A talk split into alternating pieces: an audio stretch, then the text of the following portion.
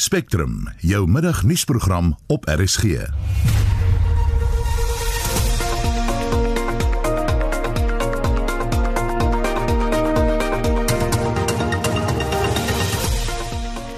die program die matriek eindeksamen het vandag begin met leerders wat Engels geskryf het. 'n Kenner deel haar kommer oor die impak van die staat van inperking op die eksamen.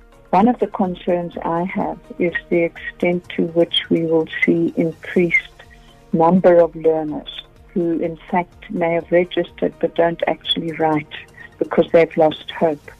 Die Amerikaanse president Donald Trump en sy opponent Joe Biden sê albei dat hulle voorloop in die Amerikaanse presidentsverkiesingsstryd.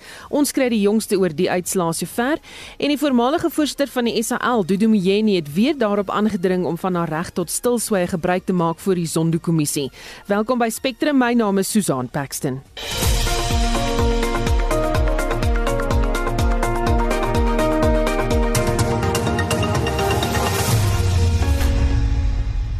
11 minute oor 1 jy luister na Spectrum. Die minister van basiese onderwys Angie Motshega en die Gautengse ALR vir onderwys Panyasa Lesufi het vanoggend die Sekano Ntwani skool in Soweto besoek voor die matriek eindeksamens begin het. Hulle die leerders sterkte toegewens vir die eksamen. Een van die leerders Kolesiwa Maboba woon in 'n enkel slaapkamer sinkhuis met haar ma en drie jonger boeties en sissies. Sy sê dit was moeilik om in die omstandighede te studeer veral na 'n ma weens COVID-19 ook haar werk werk verloor het. Dit was moeilik. Ek moes snags wanneer dit stil was studeer. Dit kon net gebeur as my familie slaap, maar ek voel gereed want ons het baie ondersteuning van die skool en ons ouers ontvang. Haar klasmaat sê hulle het alles gedoen wat hulle moontlik kon ter voorbereiding van die eksamens. Yeah, I, I'm nervous. Nah, to be honest, I'm nervous. I don't know what to expect from this paper, but I've prepared I've done everything that I, I had to do. So, yeah. Mochega sê intussen dat sy nie veel gepla is met vanjaar se moontlike slaagsyfer nie. If we get what we got last year for me to be just an honor or much more than expected. So just to arrive here for me is the biggest thing. So I'm not worried about the the, the percentage now. We're even committed because we have a June exam. Those who, have, who can't do well are going to support them more to write in June. So we accept that it was a very difficult year. We, are, we appreciate the teachers and everybody, including the parents this time. Parents were, were really awoke this time. And parents did all they could to support their children and I think as a nation should be grateful for that. Lesufi sê intussen hy het getwyfel oor vanjaar se matriekeksamens as gevolg van die uitdagings waarmee hulle moes worstel. It's not about which province will be number one. It's about celebrating that we have saved this academic year and we have saved the future of these children. And it's just unfortunate that those that were making noise that the academic year must be scrapped, they are so quiet now. Uh, and we have, we have to, to have security outside because people wanted to disrupt classes. There were some organizations that were coming here disrupting classes. But we must also not forget, especially in our province, that uh, we lost almost 32 teachers due to COVID related illnesses. So, this examination is for them. We, we really believe that they paid the ultimate price for us to have this session going on. Meer as 'n miljoen matrikulante skryf vanjaar die eindeksamen en die eksamens maak op 15 Desember klaar. Hierdie verslag deur Tsepo Pagane en ek is Justin Kennerly vir SI Garnis. Matriekleerdlinge het vandag Engels geskryf. Die minister van basiese onderwys, Angie Motshega, het ook vroeër gesê sy is baie trots op onderwysers wat die uitdagings wat die COVID-19 pandemie meegebring het, die hoof kon bied. I think I'm, I'm quite anxious for, for our children. They've had a very difficult time, but remain highly grateful to our teachers who braved it when we said to them, let's do all we can to save the year. And they, they came forward at high risk And we've been visiting provinces. And it's not me alone saying it. Everybody's been to provinces. Even MECs said they've never seen so much commitment, dedication, and hard work in the entire. So, which means the crisis itself, I think, got the best out of people. So, and also the private sector, the Waza Metric was one of the best innovations. There was the media coming forward, there was the business, there were professionals, there were NGOs that came to say, let's put a package that supports these learners who are learning under very difficult conditions. So I am very confident that they might have even gotten more than we usually give, and they might give us the best.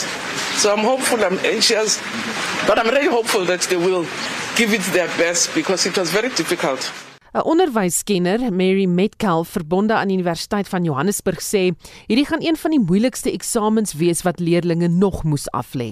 Every year in the matric results, we see the inequalities. We see the inequalities in terms of the poverty level that the school serves.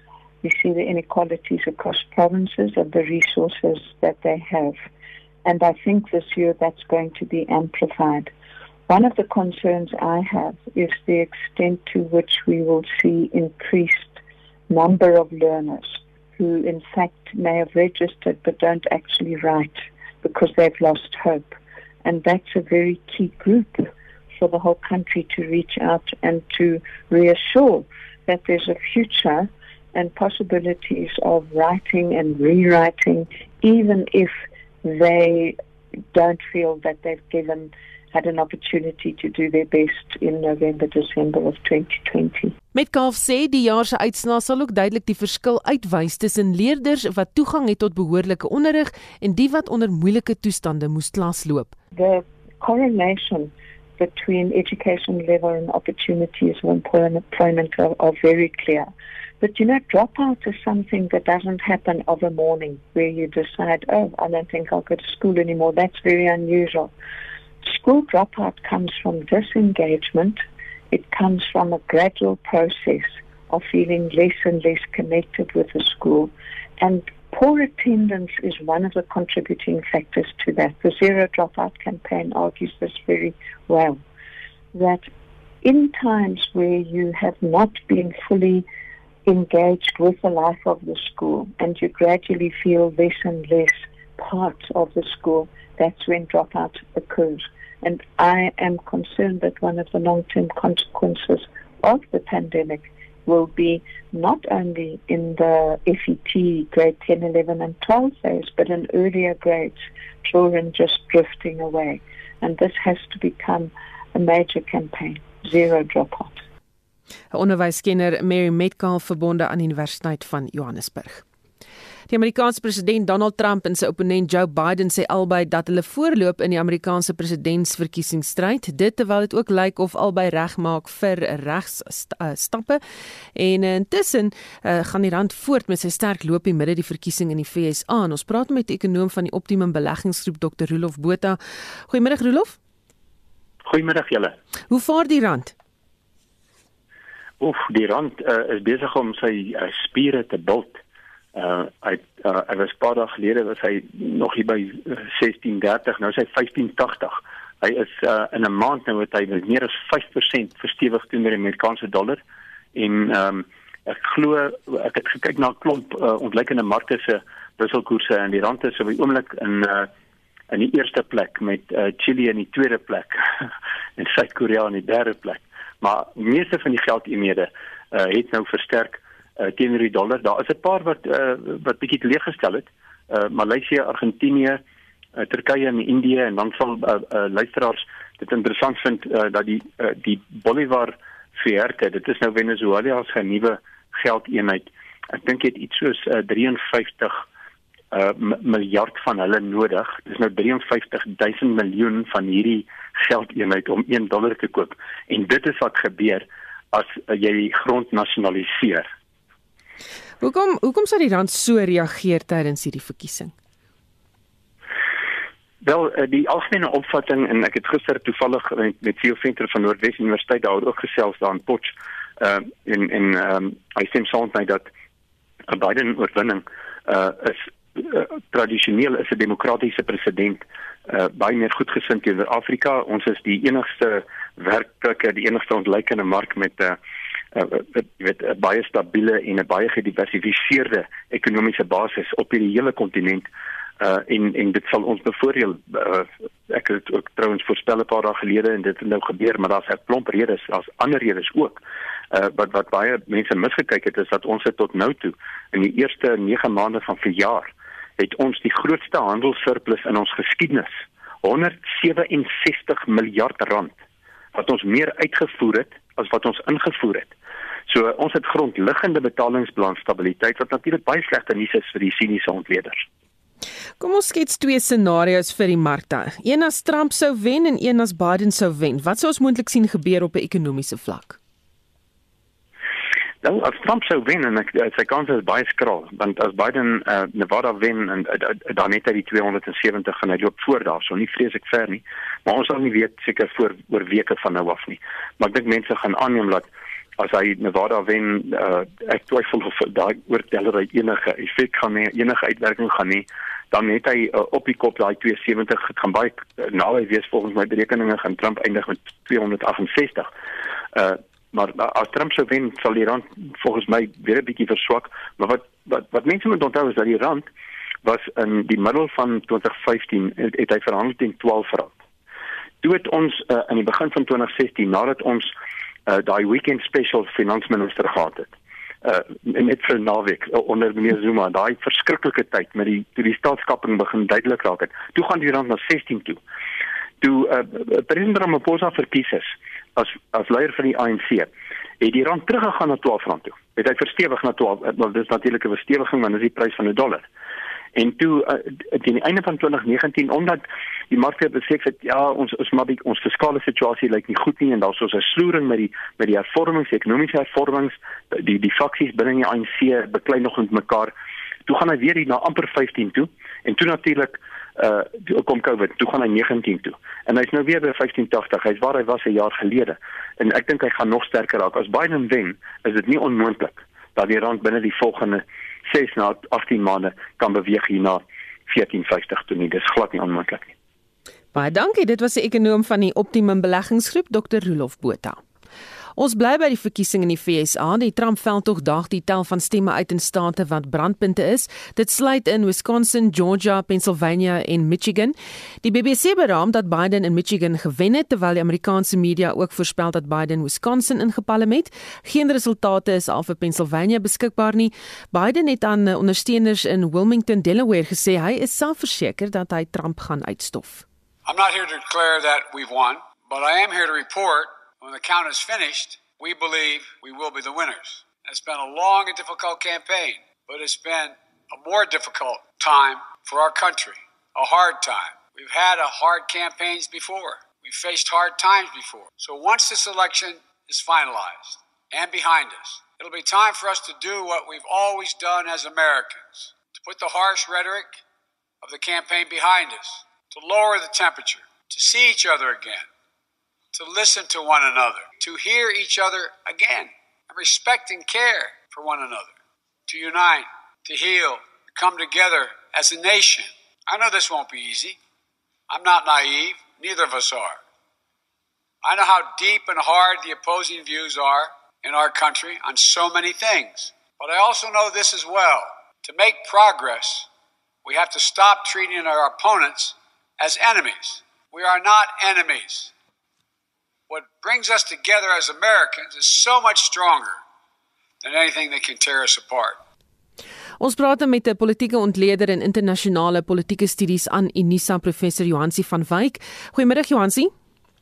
Goeiemôre. As Biden in Michigan, Wisconsin en Pennsylvania wen, sal dit hom die volgende president van die VSA maak heel moontlik as 'n mens kyk na die die verskillende stemme wat toegeken word in die kieskollege aan hierdie ehm um, state waarna jy verwys het. Sou hy wen, ehm um, ehm um, sal dit hom dan 'n totaal van 299 gee. Hy staan op 253 soos jy weet. En die state wat jy genoem het is dan 'n verdere 46 ehm um, stemme in die kieskollege. So dit sal hom dan 'n voorsprong gee. Maar goed, ons weet dat daar 'n paar regsgedinge op die oomblik aan die gang ehm um, wat dan natuurlik nou ehm um, die proses en die antwoorde daarop kan nog 'n tydjie uitstel. Hoe hoe weet hoe groot is sy kans om die drie state in te palm?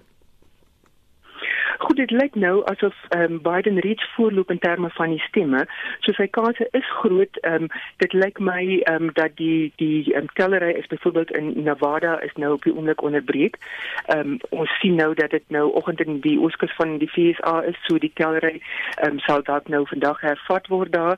Ehm um, sy kanse is dit natuurlik dat hy ehm um, heel moontlik dan nou met huidige projeksies wel sal wen. Ons weet nou dat 'n staat soos Pennsylvania wat in hierdie stadium wel wat 20 stemme in die kieskollege het, is natuurlik baie belangrik vir die Trump kampanje um, ook. En ons weet dat um, Trump sou hy dan nou hierdie belangrike state wat ons nou uh, van praat sou wen, sal dit hom um, plaas op 259 wat dan um, 11 nog kort is uh, van die 270 stemme wat hy moet kry. Nou Trump se veldtog amptenare sê hy gaan 'n amptelike versoek rig dat die stemme in Wisconsin oorgetel word en hulle het 'n regsaansoek in Michigan en in Georgia gebring om die tel van stemme daar te staak. Kan dit 'n impak hê op die tellery en die uitslag? Verseker ehm um, die Trump ehm um, veldtog het reeds um, hierdie week ongeveer 6 regsaansoeke ingedien rondom die verkiesingsproses in die staat. Ehm um, hy het in die ehm um, aansoekstukke in Wisconsin het gesê dat daar is ongeruimthede wat hy ehm um, ehm um, aanhangig maak dan ehm um, onder aandag wil bring van die howe. In Michigan het hy gesê dat die Republikeine kon nie toegang kry tot die stemlokale toe dit geopen het nie. Ehm um, die vraag van uh, deursigtigheid het weer um, ter sprake gekom in sy aansoeke in Pennsylvania en dan in um, Georgia. Ehm um, het hy ook dan nou gesê dat daar is ehm um, die verkiesingsbeamptes het dan ook 'n probleem daar ehm um, veroorsaak deurdat stembriewe het later aangekom ehm um, as wat daar ehm um, volgens die wet vereis word. So ehm um, Trump is op 'n op 'n oorlogspad hier. Hy besef natuurlik nou dat demokrasie is maar 'n bloedsport en hy sal die gevolge dan nou moet dra, die goeie sowel as die slegte. Nou Trump het reeds in September gesê daar kan moontlik opstand wees tydens die verkiesing en daar was protesaksie by 'n stembus in Arizona. Hoe dink jy gaan hy dit hanteer sou daar meer sulke protesoptrede wees? Goed, ons weet nou ook dat die Trump ehm um, administrasie is dan onder andere gekenmerk deur letterlik die dag na sy sy inhuldiging was daar iets in Washington ehm um, in die mall daar uh, was daar heel wat ehm um, uh, protest teen sy verkiesing. So sy uh, administrasie is nie vreemd ehm um, in terme van openbare protes nie oor die George Floyd geval natuurlik en nou in Arizona. Um, ons sien dan dat hierdie het dan ook 'n sterk ras element hierdie tipe protesaksie en um, Trump is dan nou ook dan nou ehm um, verseker dat hy ehm um, hierop gereageer het. Die uitsprake wat hy in September gelewer het, het tot 'n mate hierdie klimaat geskep vir die die die verdagmaking van die uitslae van die verkiesing. Hy het dan ook 'n soort van 'n atmosfeer geskep ehm um, dat daar uh, nie aanvaarding gaan wees van die uitslae nie en dan ook nou mense basies aangemoedig um, en en um, so van bewus gemaak dat die uitslae en die verkiesing se integriteit ter sprake is. Um, hoe hy hierop gaan reageer? Wel, hy sal homself moet onderwerp aan die wil van die kiesers in die eerste plek en nommer 2 dan aan die Amerikaanse um, grondwet wat dan nou um, by, um, die die die die laaste um, gesag is in terme van die uitslag van die verkiesing. Dink jy Trump het die steun vir Biden onderskat? Definitief. Trump het in um, 2016 het hy basies as 'n as 'n groentjie die, die politieke uh, arena betree. Hy het um, Hillary Clinton um, as opponent gehad wat hy kon maklik oordonner en haar man se presidentskap teen teen haar basies gebruik. Biden met sy sagter aanslag het natuurlik ook 'n maklike taak uh, teken vir hom geword deurdat Biden is byna 50 jaar in politiek. Volgens Trump is hy 'n goeie Afrikaanse loser. Hy het hom ook natuurlik nou baie um, persoonlik aangeval in terme van sy persoonlikheid, sy integriteit en dan nou sy sy seun um, gebring en dan die hele um, atmosfeer in die in die Amerika sê dan ook tot um, uh, Biden se voordeel gewerk. Trump het baie van hierdie verkiesingsatmosfeer en verkiesingspunte vir Biden baie maklik gemaak. Goed, um, die pandemie is nou eh, 'n uh, geskenk vir die Biden kamp wat hulle nie opgereken het nie. Um, maar uh, Trump se hantering daarvan het dit maklik gemaak vir die Biden kamp om dan nou hierdie hantering van van die administrasie dan nou as 'n teen teenwig hulle self op te stel. In die tweede plek het Biden ook baie meer geld uh, ingesamel vir die vir sy verkiesingsveld tog. Mense sou dink dat Trump wat uh, deurgaan as 'n man met uitgebreide sakebelange sou meer geld bymekaar maak. Dit was inderdaad nie die geval nie. En dan is daar natuurlik ook die persoonlikheid van Trump wat ehm um, wat um, basies bygedra het um, tot tot uh, steun vir um, vir Biden. Um, Trump wat homself nou voorgehou het as meer van 'n matador in die politieke arena teenoor Biden wat homself nou as 'n verenigende versoenende figuur opgestel het en uh, Trump kon kon basies nie daardie benadering um, verbeter nie. Jy het self vir Biden in 2003 ontmoet toe jy in Delaware in Amerika was. Dit blyk dat hy reeds 'n dekade lange belangstelling in Suid-Afrika het. Dis heeltemal reg. Ehm um, Biden ehm um, as lid van die Demokratiese Party ehm um, het natuurlik baie belangstelling in die um, anti-apartheid stryd in Suid-Afrika gehad. Biden het ook dan in 1977 het hy saam met die die Kongres se uh, ehm um, swart caucus na Suid-Afrika gereis. Die plan was dat hulle ehm um, president Mandela, um, toe nog nie president nie, maar toe 'n gevangene in Robben Island was, um, sou wou ontmoet en um, die die ontmoeting het nie plaasgevind nie. Um, hy is dan nou vir 'n paar uur aangehou um, deur die Suid-Afrikaanse polisie in daardie stadium omdat hy homself nie van die swart kongreslede homself nou wou skei nie, want natuurlik in daardie tyd was daar verskillende aparte geriewe en hy wou dit nie um, en sy um, delegasie geskei word nie. So sedert die 70s het hy 'n groot belangstelling in in, in Suid-Afrika en ons weet dan ook dat hy ehm um, ehm um, as deel van sy party se ideologiese benadering dan ook nog steeds baie sterk belangstelling in Suid-Afrika het. Baie dankie ons het gepraat met 'n politieke ontleder en internasionale politieke studies aan Unisa professor Johansi van Wyk. Jy luister na Spectrum elke weekmiddag tussen 1 en 2.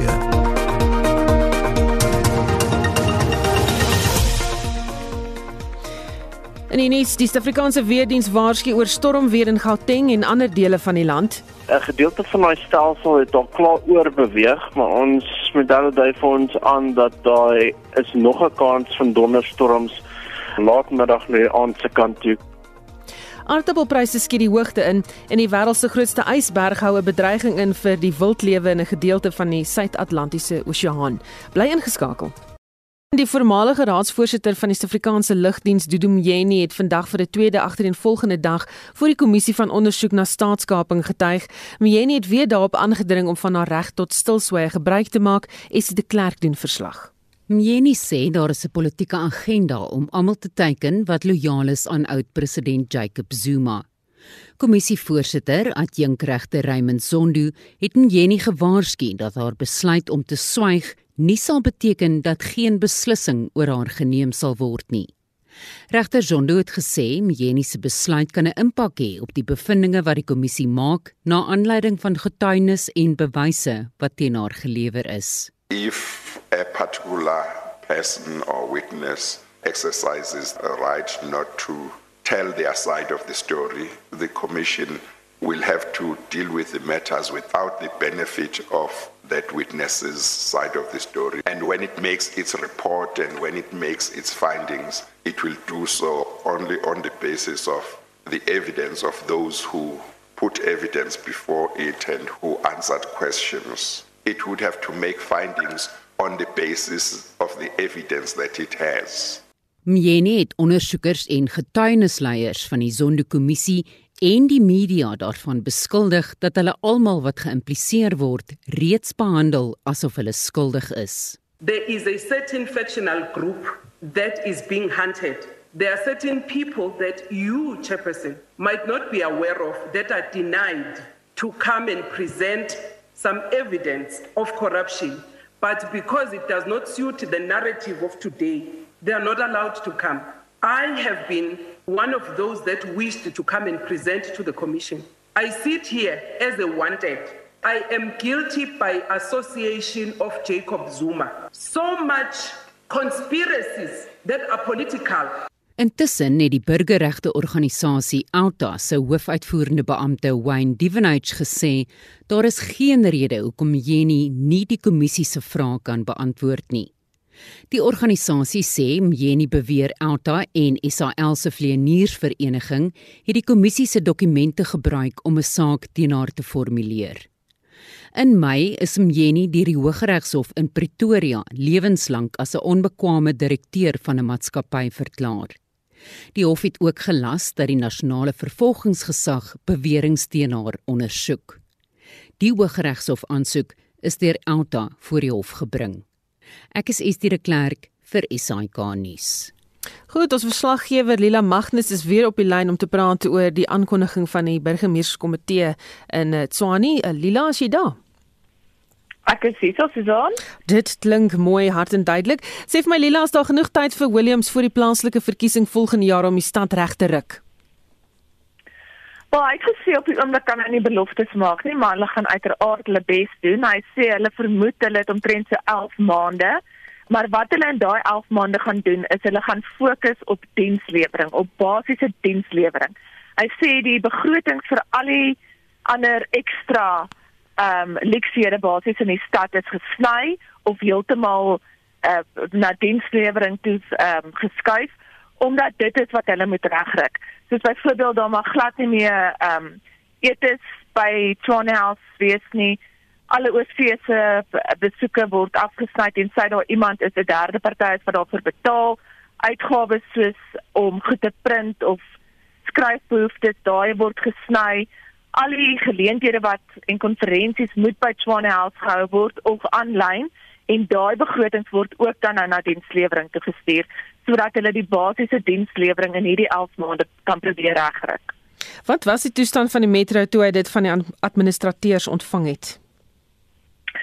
Ehm um, ja nee, kyk die uitvoerende burgemeester het gesê dit het finansiëel soos 'n ramptoestand gelyk. Volgens hom het die stad nou 'n uh, agterstand van 4.4 miljard rand wat hulle nie gehad het 7 maande terug nie. Hy het 'n voorbeeld gegee en gesê toe hulle in Maart in administrasie ingaan, wat die stad stad se skuld skuldboek 13 miljard rand en dit het in hierdie 17 maande, ag 7 maande skiet gegroei tot 18 miljard rand. Hy sê ook daar's 'n reservefonds in die stad gewees dat indien al die geld, al die inkomste dadelik sou ophou, dat hulle nog dienste kan verskaf vir 52 dae. Nou daai geld het afgekom tot hulle kan nou net dienste verskaf vir 12 dae. So hy sê daar's verskriklik baie geld uit die stad uit. Hulle gaan ehm um, alliteere kry om dit na te gaan om te kyk waar is al hierdie geld heen en wat het daarmee van geword. Maar hulle prioriteit is nou weer om die stad finansiëel stabiel te kry. Williams was nog skaars in sy nuwe pos as uitvoerende burgemeester toe hy reeds deur die vullis verwyderaars wat kontrakteurs van die stad is met 'n staking gedreig is. Dit is inderdaad waar die arme man het nog nie sy stoel warm gesit nie. Toe is daar al mense wat by Swane House betoog. Hy het egter gesê uh, hulle is besig om hulle 10-punt plan te implementeer. Dit moet goedgekeur word deur die raad en dan gaan hulle aan hierdie ehm um, kwessies van die filterwyderaars onder meer aandag gee. Wat soos ek vroeër gesê het, ehm um, hulle fokus nou op dienslewering. So die 10-punt plan, een van die punte is om 'n doeltreffende filterwyderingsstelsel in die stad te kry. So dit is een van die prioriteite waarop hulle gaan fokus. Lila net so laasens jy bly daar, um, kan jy sien dat daar 'n probleem is met dienslewering, byvoorbeeld die strate vuil is, vuil is nie verwyder word nie. Ja, definitief. En dit is nie net ehm um, dis oral in die Tshwane metro gebied. Dit is Hammanskraal, Garankuwa, Pretoria, Centurion. Dit is oral daar was regtige probleme met dienslewering terwyl die administrateurs aan die wind was. Weet water het sommer net opgehou of waterlekkasies is nie reggemaak nie. Die vullis is nie verwyder nie. Party plekke was vir weke sonder elektrisiteit wat die daar net nie mense uitgekom om dit reg te maak nie. So dit sou hierdie probleme en kwessies wat lyk my die nuwe bestuur van die stad op wil fokus baie dankie dit was ons verslaggewer in Pretoria Lila Magnus Die Suid-Afrikaanse Weerdiens waarsku oor stormweer in Gauteng wat met oorstromings, haal en sterk wind gepaard kan gaan. Stormweer word ook vir ander dele van die land voorspel, maar teen Saterdag behoort die grootste dele van die land weer mooi weer te geniet. Heinrich Weingart het met die weervoorspeller Kevin Ingram hieroor gepraat. Daar is 'n vlak 2 geel waarskuwing vir erge donderstorms wat die potensiaal het vir plaaslike oorstromings en sterk beskadigende winde wat kan uh, voorkom oor Gauteng. So party 'n gedeelte van daai stelsel het al klaar oor beweeg, maar ons modelle dui vir ons aan dat daar is nog 'n kans van donderstorms uh na die aandse kant toe. So laatmiddag na die aandse kant toe is daar weer 'n kans van erge storms daar in die area. Kevin, wat word vir môre verwag? So vir môre lyk dit asof daar nie veel gaan aangaan oor meeste van Gauteng nie. Die ver noordelike dele, bietjie noord van Pretoria, mag nog steeds baie en donder baie kry. Ehm um, op die stadium verwag ons nie enigiets anders nie. Daar was ook nie woord ook nie enige waarskuwings te wees vir dit nie. Dit gaan maar daai donderstorms gaan maar die gewone middagdonderstorms wees wat ons kry die tyd van die jaar. Hoe vergelyk die situasie in Gauteng met die res van die land? Daar is nog 'n waarskuwing uit vir die westelike dele van Mpumalanga ook, south of vir KwaZulu-Natal en die oostelike en suidoostelike dele van die Vrystaat en die noordoostelike dele van die Oos-Kaap provinsie. Jy sien dis nou 'n uh, tweede afsny laagstelsel wat nou gevorm het reg agter die ander een wat daai baie reën vir die area gebring het en hy is nou nog besig om oor die land te beweeg en hy gaan nog vir ons effekte bring oor daai areas waar die waarskuwings is maar die groot gedeeltes van die land kan nog steeds donderstorms verwag vandag. So byvoorbeeld daar is op die oomblik donderstorms wat besig is om die oostelike helfte van die Noord-Kaap te vorm en dan sal nog donderstorms daar in die Wes-Kaap wat vorm. En dan natuurlik die lyn van die hoofstelsel van die afsnylaag wat ver oggend deur gegaan het is nou daar oor Ellis Ras, Warmbad en Witbank en hy's nou besig om oor daai dele te beweeg. Jy sê daar's donderstorms wat vorm oor die Wes-Kaap, wanneer behoort dit die streek te tref? Donderstorms oor die Weskaap is nou op die oomblik aktief. Daar het vanoggend oor Woeste 'n paar gegaan en hulle is besig om se ooswaarts te beweeg. Hulle behoort so deur die dag te vorm en daaroor te beweeg oor groot gedeeltes van daardie area. En teen wanneer reken jy kan die land as geheel weer mooi weer verwag? Vrydag en Saterdag lyk dit asof groot gedeeltes van die land geen storms gaan kry nie, veral die sentrale dele en Saterdag lyk dit asof dit net daar langs die suid en weskus is waar daar so 'n bietjie uh, koue front hulle mag affekteer, maar die res van die land gaan nie veel sien op daai daai daar nie. Saterdag mag dalk so 'n bietjie wolkies rondhang daaroor Pretoria, wel die oostelike dele van die land, jy weet maar dit gaan verder nie enige iets vir hulle veroorsaak. Dit gaan redelike mooi daar wees. Die res van die sentrale dele rondom Bloemfontein, Appington, Kimberley daai area gaan mooi weer daar hê op Saterdag. En dit was Kevin Ingram, 'n weervoorspeller van die Suid-Afrikaanse Weerdiens wat uit Bloemfontein met Heinrich Weingart gepraat het.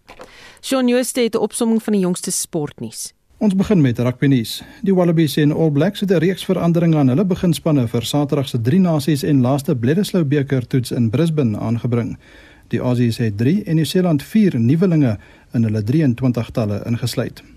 Griekwas het ook 'n hele reeks veranderinge aan hulle agterlyn vir Saterdag se plaaslike Super Rugby wedstryd in Kimberley teen die Stormers gemaak. Tinus de Beer dra die nommer 10 trui. Die skrimskakel Zak Burger is die kaptein en die vleuel Edris Arendse speel in sy 100ste wedstryd vir die Pau Blouers. Die wedstryd skop al 5 af en Dion Skuman hou ons telefonies op hoogte van gebeure. Cricket. In die IPL reeks pak die Mumbai Indians en Delhi Capitals mekaar vanmiddag 4uur in Dubai in die eerste uitspelwedstryd van die reeks. Die wenners boek hulle plek in die eindstryd terwyl daar nog 'n uitspelwedstryd op die verloders wag. Sokker. Van die Europese Liga wedstryde wat vanaand voorlê is 5 voor 8 Benfica teen Rangers en Ludogorets teen Tottenham Hotspur, dan 10 uur AC Milan teen Lille, Feyenoord teen CSKA Moskou en Leicester City teen Braga. En laastens in tennisnuus, in vandag se derde ronde van die Parys Meesters toernooi, stap die derde gekeerde rus Daniel Medvedev teen die Aussie en nommer 16 Alex de Minaur, die eerste gekeerde Rafael Nadal van Spanje teen nog 'n Aussie Jordan Thompson die vierde gekeerde Duitser Alexander Zverev teen die Fransman Adrien Manarino en die vyfde gekeerde Rus Andrei Rublev teen die nommer 12 Stanislas Wawrinka van Switserland op die baan uit. Dit was Shaun Jooste van RSG Sport. Presies 10 eh, voor 2 jy luister na Spectrum tyd vir omgewingsnuus. Die grootste ysberg ter wêreld bekend as A68A is op pad na die Britse oorseese gebied van Suid-Georgië. Die eiland is geleë in die suidelike Atlantiese Oseaan sowat 1300 km van die Falkland-eilande. Kenners is bekommerd dat die ysberg 'n negatiewe impak op die biodiversiteit van die eiland sal hê. En vir meer oor die ysberg praat ons nou met professor François Engelbrecht by Wits Universiteit se Global Change Instituut. Goeiemiddag François. Goeiemiddag Susan en middag aan die luisteraars. Waar kom die ysberg vandaan? Omtrent 1000 km suidwes van Suid-Georgië eiland vanaf die Antarktiese peninsula. So dit is daardie punt van van Antarktika wat mense op wêreldkaarte kan sien wat so strek in die rigting van Suid-Amerika. So die suidwes van die eiland en rondom die gebied van Antarktika kry ons 'n seestroom wat al rondom Antarktika vloei van wes na oos, altyd van wes na oos. En ons kry ook die wêreld se weste winde wat al rondom Antarktika waai, ook van wes na oos. So dit is dan baie algemeen eintlik vir ysberge wat in die gebied van die Antarktiese peninsula vorm om noordooswaarts te beweeg in die rigting van Suid-Georgië. Hoe groot is hierdie ysberg? Ontsaglik groot dan soos ek gesê het tans die grootste ysberg op die planeet. Aanvanklik was dit 'n hele 5800 vierkante kilometer toe dit losgebreek het van die Larsen See ysplaat. Dit is dit is 'n stuk ys wat dryf oos van die Antarktiese peninsula, maar die ysplaat is vas aan die aan die kontinent self. Nou in Junie 2017 het hierdie ysberg losgebreek. Ek onthou ons het toe nog gesels daaroor. Hmm.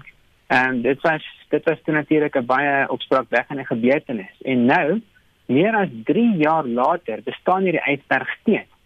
Dit is nou omtrent 4200 vierkante kilometer groot. So, mens kan net dink 'n ysberg van min of meer 70 by 60 vierkante kilometer. Ons saglik groot, dis omtrent 'n derde die grootte van die Gauteng provinsie. En uh, hierdie ysberg is nou op pad na die Suid-Georgië eiland toe wat min of meer van dieselfde grootte is. Nou, so die soort eh, reuse ysberge dryf letterlik vir jare op die see rond. Smelt hulle na tyd of word hulle nie deel van ander ysberge? Solank as wat hulle naby aan Antarktika bly, so sodra solank hulle in die koue gedeelte van die Suidelike Oseaan bly, kan hulle kan hulle vir vele jare voortleef. Um, om die waarheid te sê, as hierdie as hierdie ysberg wel vasgevang gaan word deur die kuslyn van Suid-Georgië word daar gereken dat dit nog omtrent vir 10 jaar lank kan bestaan voordat dit regtig weggesmelt gaan wees. Maar wanneer 'n ysberg noord van hierdie eiland beweeg, so as ons as die eiland in die meer ewenaar waarse gedeeltes van die Suidelike Oseaan kom, dan begin hulle eintlik baie vinnig wegsmelt weens die veel hoër see see seewater temperature en ook soos wat dit in toenemend geïrrideer word deur die golwe van die Suidelike Oseaan. Wat kan die moontlike impak op die biodiversiteit wees daar? Baie nadelig. En hierdie ysberg se genoem is omtrent net so groot soos die eiland, ook in sy lengte. So as dit sou vasmeer aan die kus van die eiland. En dit is moontlik omdat hierdie 'n redelike dun ysberg is. Is net omtrent 200 meter of minder in diepte. So dit beteken die ysberg kan baie naby kom aan die kuslyn. En in so 'n geval kan dit dan kan dit dan letterlik die pad van die pikkewyne spesifiek en die robbe blok wat hulle normaalweg volg vanaf die eiland die see in om kos te vind. Dis 'n signaal vir die pikkewyn kykens en die robwelpies. So en daardie kritieke tye van die jaar wanneer hierdie diere spesies hulle kleintjies moet grootmaak. Is dit baie belangrik vir hulle om baie effektief te funksioneer om die kortste moontlike roete te volg van die eiland tot by die prooi in die oseaan. En as die ysberg 'n groot deel van daai roete blok, ehm um, beteken dit dat die diere nie effektief kan kos vind vir die welpies en kuikens nie. En dit kan lei tot 10000de sterftes en as indien dit nou sou gebeur. Baie dankie, dit was professor François Engelbreg by Wits Universiteit se Global Change Institute. Ongewone weerstoestande sowel as die normale uitwerking van vraag en aanbod in die varsproduktebedryf het aanleiding gegee tot die skerp stygings van die aardappelprys die afgelope jaar, aldus Dr. Andre Jooste, uitvoerende hoof van Aardappels SA, terwyl die prys vir 'n sakkie 10 kg aardappels in Junie nog gemiddeld R34.40 was, het dit uiteindelik tot gemiddeld R83 gestyg. Jooste verduidelik die situasie aan Heinrich Weingart. Die prys van aardappels op varsprodukte markte word bepaal deur vraag en aanbod op 'n daaglikse basis. So dit hang af hoeveel aardappels op die mark beskikbaar is, dit hang af van die vraag en dan word die prys daar bepaal. So wanneer die aanbod daal en die vraag bly konstant of of die vraag verhoog, dan sal die prys van aardappels begin styg.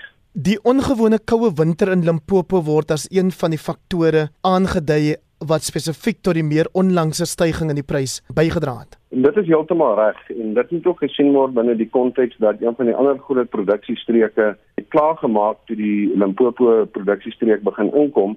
So die een produksiestreek het klaar gemaak met sy bemarking, 'n ander produksiestreek het ingekom as gevolg van koue skade. Is daar minder aardappels beskikbaar gewees en dit het uit die aard van die saak dan bygedra tot die prysstygings. So Junie en Julie is gewoonlik wanneer die eerste oes plaasvind en dan weer die hoofoes hier rondom Augustus, November.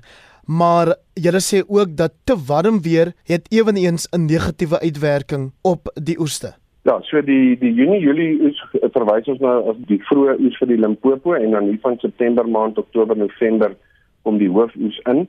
So ons het gesien dat volumes het al reeds begin styg, het dit al klaar afwaartse druk op pryse gehad. So wanneer ons kyk na die res van die jaar en dit is baie warm weer en ons het baie water of reën reënval saam met daai warm weer, dan kan dit ook 'n negatiewe impak op die huidige oes hê. So ons sal moet kyk hoe loop die klimaatomstandighede oor die volgende paar maande want dit gaan 'n definitiewe impak op pryse hê.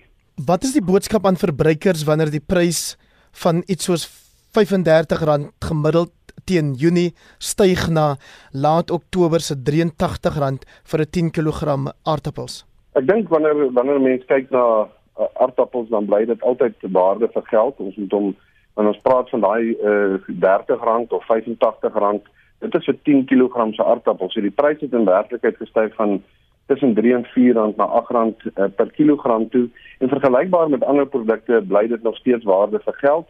Maar ons die verbruiker moet ook jy weet 'n gedagte hou of net kennis neem dat hierdie is die werking van markkragte as gevolg van weeromstandighede en ons het vroeër die jaar gesien dat baie pryse ver onder kan 30 rand was hier in die begin van die grendeltyd en dit is nie eens naaste by die gelykbreekpunt vir 'n aardappelboer om aardappels te produseer nie. Wat is die boodskap dan Andre vir die verbruiker wat dalk heel dikwels op aardappels aangewese is as stapelvoedsel? Kyk, die lange af wanneer ons kyk na die stapelkompleks en in baie gevalle sien ons ook aardappels as deel van die stapelkompleks. Ons sien baie van ons ander produkte se pryse styg, maar as ons dit byvoorbeeld moet vergelyk uh, met brood, bly aardappels nog by verre 'n beter waardeproposisie uit die aard van die saak indien 'n verbruiker nie geld het nie, dan sal hy begin substitueer tussen aardappels en mieliemeel. Maar wat ons oor die laaste paar jaar gesien het, is dat die twee produkte word saamgebruik om dit ook die nie gegoede verbruiker dit dit dit stel sy honger uit as hy net op die een voedsel konsentreer. Wat is julle verwagtinge wat die prys van aardappels aanbetref nou met die hoofoes? Kyk normaalweg hierdie tyd van die jaar, as ons nou na seisonale tendense kyk, is styg aardappelpryse omdat Limpopo die enigste groot produksiestreek is wat aardappels bemark. So wat ons nou reeds begin sien het met die meer aardappels wat markte toe kom, is dit dit begin beweeg na die langtermyn tendens toe. Dit is byna onmoontlik om te sê of hy presies soos hy tendens van ver, verloop bloot as gevolg van die klimaatsomstandighede en soos wat ons sien sien ons hierdie jaar iets wat anderster uh, klimaatsomstandighede as in die vorige 2-3 jaar. Op hierdie stadium kyk ons nou wat met die weer gebeur. En dit was dokter Andre Jooste, uitvoerende hoof van Aardappels SA en hy het met Heinrich Weingart gepraat. Onthou om te gaan kyk na die opgedateerde program van die RC op die Waterkunstefees wat van die 25ste tot 30ste Januarie 2021 gaan plaasvind. Jy kan die nuwe program sien op die RC op die Water Facebook bladsy of webblad. Een van die kunstenaars wat in meer as een van die produksies op die Kunstefees gaan optree is Matthys Roots. En op die ritme van sy liedjie Karla groet die Spectrum span ook sommer. My naam is Susan Paxton. Word elke dag 'n klein verbond. Sy maak die woorde en sy sing. Ek vind akkoorde sonder ling. Van saam met Karla wen ek grond. word elke dag.